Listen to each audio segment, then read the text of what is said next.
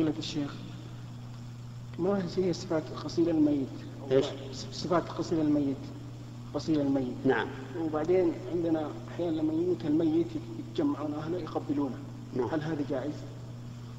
أما تقبيل الميت بعد موته فلا بأس به لأن أبا بكر رضي الله عنه دخل على النبي صلى الله عليه وعلى آله وسلم بعد موته وقد غطي صلوات الله وسلامه عليه فكشف عن وجهه وقبله وأما كيفية تغسيل الميت فالميت إذا مات يوضع على سرير التغسيل ثم يبدأ بغسل فرجه وما وما كان فيه ولا ولا ينظر إليه يعني يجعل غطاء فيدخل الغاسل يده من تحت هذا الغطاء ويصل فرجي فرجيه القبل والدبر ولا يمسهما بيده أيضا بل يجعل على يده خرقة.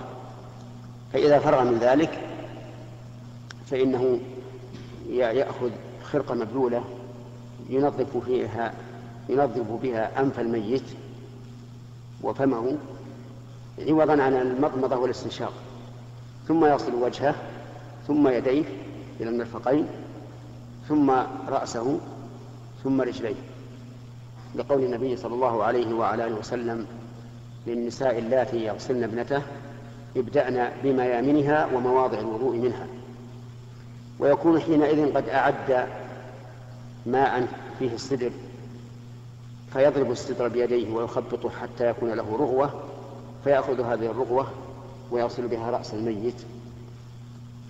ثم بعد ذلك يغسل بقية البدن بالسدر وعلى حسب حال نظافة الجسم إذا كان الجسم نظيفا فالمرة والمرتين والثلاث يكفي وإذا كان غير نظيف ويحتاج إلى زيادة غسل فإنه يغسل. لقول النبي صلى الله عليه وعلى آله وسلم للنساء اللاتي يغسلن ابنته يغسلنها ثلاثا أو خمسا أو سبعا أو أكثر من ذلك إن رأيتن ذلك. ثم ينشف بثوب ثم تطوى عليه أكثر. أي طهارة؟ الغاسل يعني؟